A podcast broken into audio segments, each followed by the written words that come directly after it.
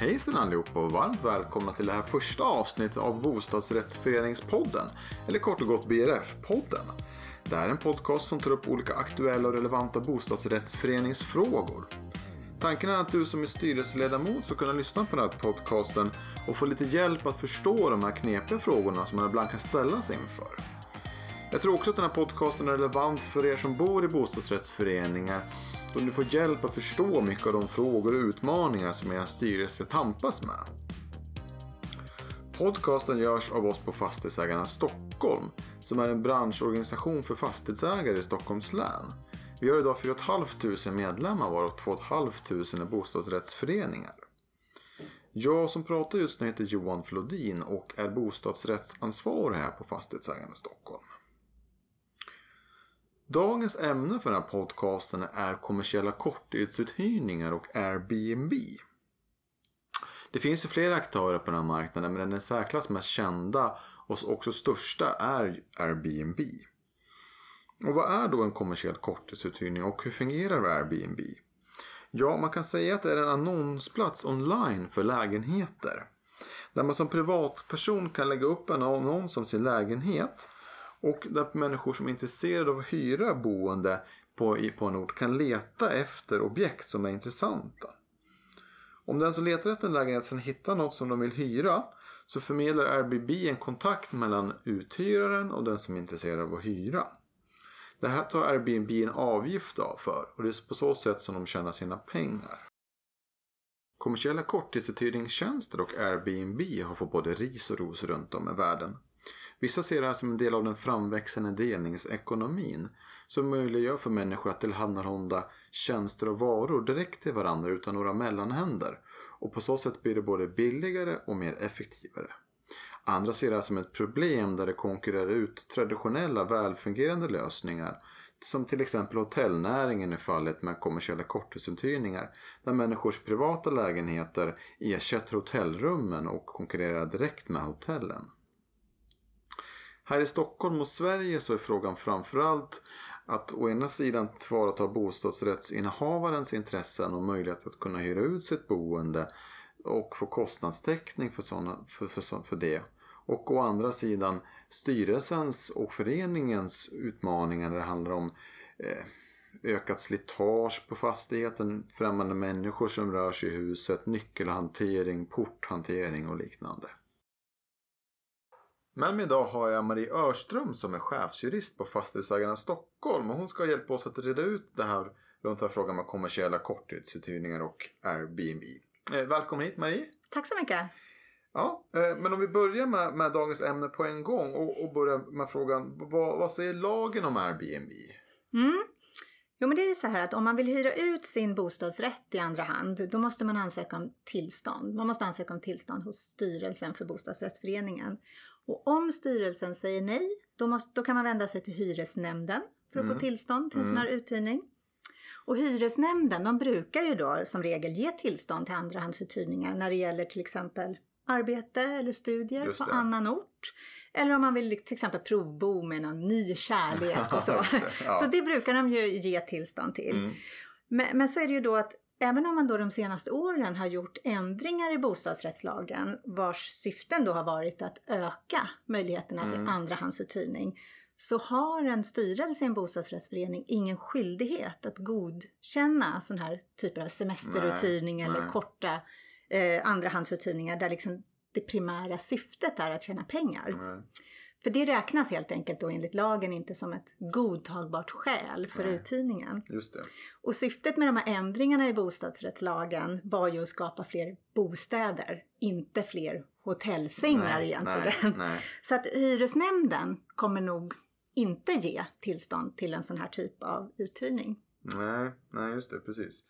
Och när man pratar om, om Airbnb då och kommersiella korttidsuthyrningar. Vilka frågor och utmaningar kan uppstå för föreningarna för, i, i hanteringen runt det här? Ja, just sådana här typer av eh, kommersiella korttidsuthyrningar så kan det ju ibland leda till otrygghet eller irritation bland de boende i mm. fastigheten. Mm. Det kan ju innebära att många okända personer vistas i fastigheten. Och det i sin tur kanske kan orsaka störningar eller leda till ökat slitage på fastigheten i det. gemensamma utrymmen, till Mm. exempel tvättstugan. Mm. Eh, Men i många fall är det ju också så att det här fungerar utan några som helst problem. Ja, ja. Och om man från föreningens sida, bostadsrättsföreningens sida vill, vill hantera det här fenomenet med korttidsuthyrningar, eh, av kommersiell karaktär och man både vill vara tillåtande eller restriktiv. Har du några rekommendationer hur man kan gå tillväga där? Ja, min rekommendation är då att en bostadsrättsförening behandlar den här frågan på sin stämma, Ja. på årsstämman. Mm. Att man helt enkelt tar ställning till hur man som förening då ser på sådana här kommersiella korttidsuthyrningar. Och att man tar fram liksom en policy. Det här tycker vi. Vill vi Mm. vara tillåtande eller vill vi vara mer restriktiva? Man behöver ju som regel inte göra några ändringar i stadgarna om man vill ha en generös syn på sådana här korttidsuthyrningar. Men det kan ju vara klokt att ta fram eh, ordningsregler, särskilda ordningsregler som gäller just för korttidsuthyrning. Och vi på Fastighetsägarna Stockholm har ju tagit fram då ett faktablad Precis. just till stöd för sådana bostadsrättsföreningar som vill ha en generös policy.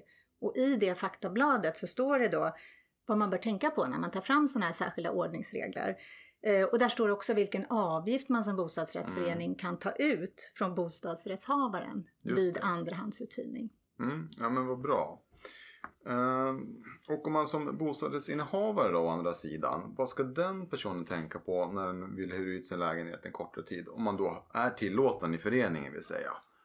Ja, och, och det är jätteviktigt att komma ihåg att det är alltid du som bostadsrättshavare som har ansvaret Ja. för lägenheten. Mm. Och alla skyldigheter man har som, eh, mot bostadsrättsföreningen Mm. som medlem, de ligger ju kvar hos dig som det. bostadsrättshavare. Mm.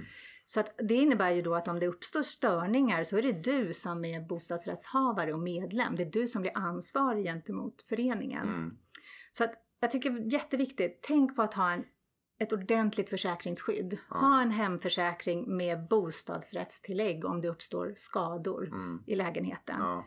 Eh, och sen ska man också, så långt det är möjligt, verkligen kontrollera vem det är man släpper in i bostaden som Just det. hyresgäst. Det är ju Mm. inte alltid det är möjligt att göra det kanske Nej. vid den här typen av uthyrningar. Men om det är möjligt så kontrollera. Ja. För det finns ju en del skräckexempel som det har skrivits om i media.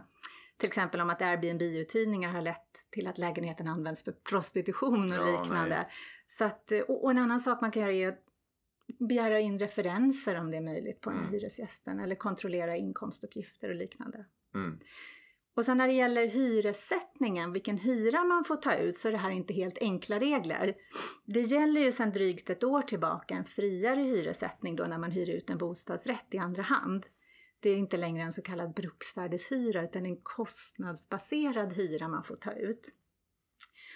Och enligt lagen då så får den här hyran inte vara påtagligt högre än bostadsrättshavarens kostnader för lägenheten. Nej. Och till de här kostnaderna då räknar man dels kapitalkostnader eh, som ska vara en skälig avkastning på bostadens marknadsvärde. Och även driftskostnader får man ta ut täckning för. Avgift till bostadsrättsföreningen, el och vatten och sånt. Mm. Och om man hyr ut lägenheten möblerad så kan man också ta betalt eh, för slitage av möbler. Mm. Men det här är ju viktigt att ha lite koll på. Och då Ja. kan man gå in på hyresnämndens hemsida för där finns det uppräknat vad är det man får ta ut för hyra just när man hyr ut sin privatbostad. Just det. Ja men precis. Eh, och ja, det har ju varit mycket skriverier om Airbnb och kommersiella korttidsuthyrningar den senaste tiden. Vad skulle du säga, vad skulle kunna förbättra det här området? Och vad skulle kunna få, få, få bättre och smidigare lag och regelmässigt? Ja, och, och som jag nämnde tidigare så i de allra flesta fall fungerar ju det här jättebra. Ja, Men eh, om det blir problem och om en bostadsrättsförening kanske upptäcker då att en medlem hyr ut en lägenhet utan tillstånd. Vad styrelsen ska göra då det är att man ska skicka en rättelseanmaning till bostadsrättshavaren. Och om bostadsrättshavaren då vägrar att säga upp sin hyresgäst, då kan faktiskt ärendet ytterst då hamna i tingsrätten och bostadsrättsföreningen kan faktiskt då tvinga fram en försäljning av, Ja. fast, äh, av Ja. bostaden, bostadsrätten. Det kallas ju förverkande av bostadsrätten. Och detsamma gäller om det blir allvarliga störningar i samband med en sån här korttidsuthyrning. mm, Men i praktiken har ju det här visat sig vara ganska tandlöst mm, om det är någon som missbrukar den här rätten att få hyra ut korttidsuthyra. För i praktiken så blir det ju svårt att stoppa en medlem som inte har begärt tillstånd för den här typen av korta uthyrningar. För när styrelsen väl hunnit skicka sin rättelseanmaning har ju den här turisten eller vem det nu är som bor där Mm. förmodligen hunnit flytta ut. ja men precis. Och det innebär liksom i strikt juridisk mening då att bostadsrättshavaren faktiskt har vidtagit rättelse. För att den har hunnit avsluta uthyrningen. Exakt, Ja. den av, uthyrningen är avslutad och då har bostadsrättsföreningen ingen möjlighet att tvinga fram någon typ av förverkande eller sanktion. För domstolarna kan liksom inte göra en retroaktiv prövning. Nej, just det. Och här kan man ju tycka att just vid sådana här fall, kanske vid upprepade tillfällen av missbruk av såna andrahandshyres, andrahandsuthyrning, så bör ju bostadsrättslagen ses över och att man får in någon form av sanktion som är mer effektiv. Mm. Nej men bra. Eh, Vi börjar närma oss slutet på den, den tid vi har, har tillgängligt. Men om man vill veta mer om det här ämnet då? Har du några rekommendationer om man kan hitta mer information? Mm. Det ska man vända sig till, eller titta på vår hemsida, Fastighetsägarnas Stockholms Mm. hemsida. Där finns väldigt mycket information. Där Mm. finns också allmänna riktlinjer för andrahandsuthyrning och där finns ett särskilt faktablad just för sådana här typer av kommersiella korttidsuthyrningar. Just det. Sen kan man ta kontakt med vår medlemsrådgivning om Mm. man har bekymmer eller specifika frågor. Mm. Eh, och sen kan man alltid gå till vända sig till hyresnämnden. Antingen kan man gå in och titta på deras hemsida där det finns jättemycket bra information.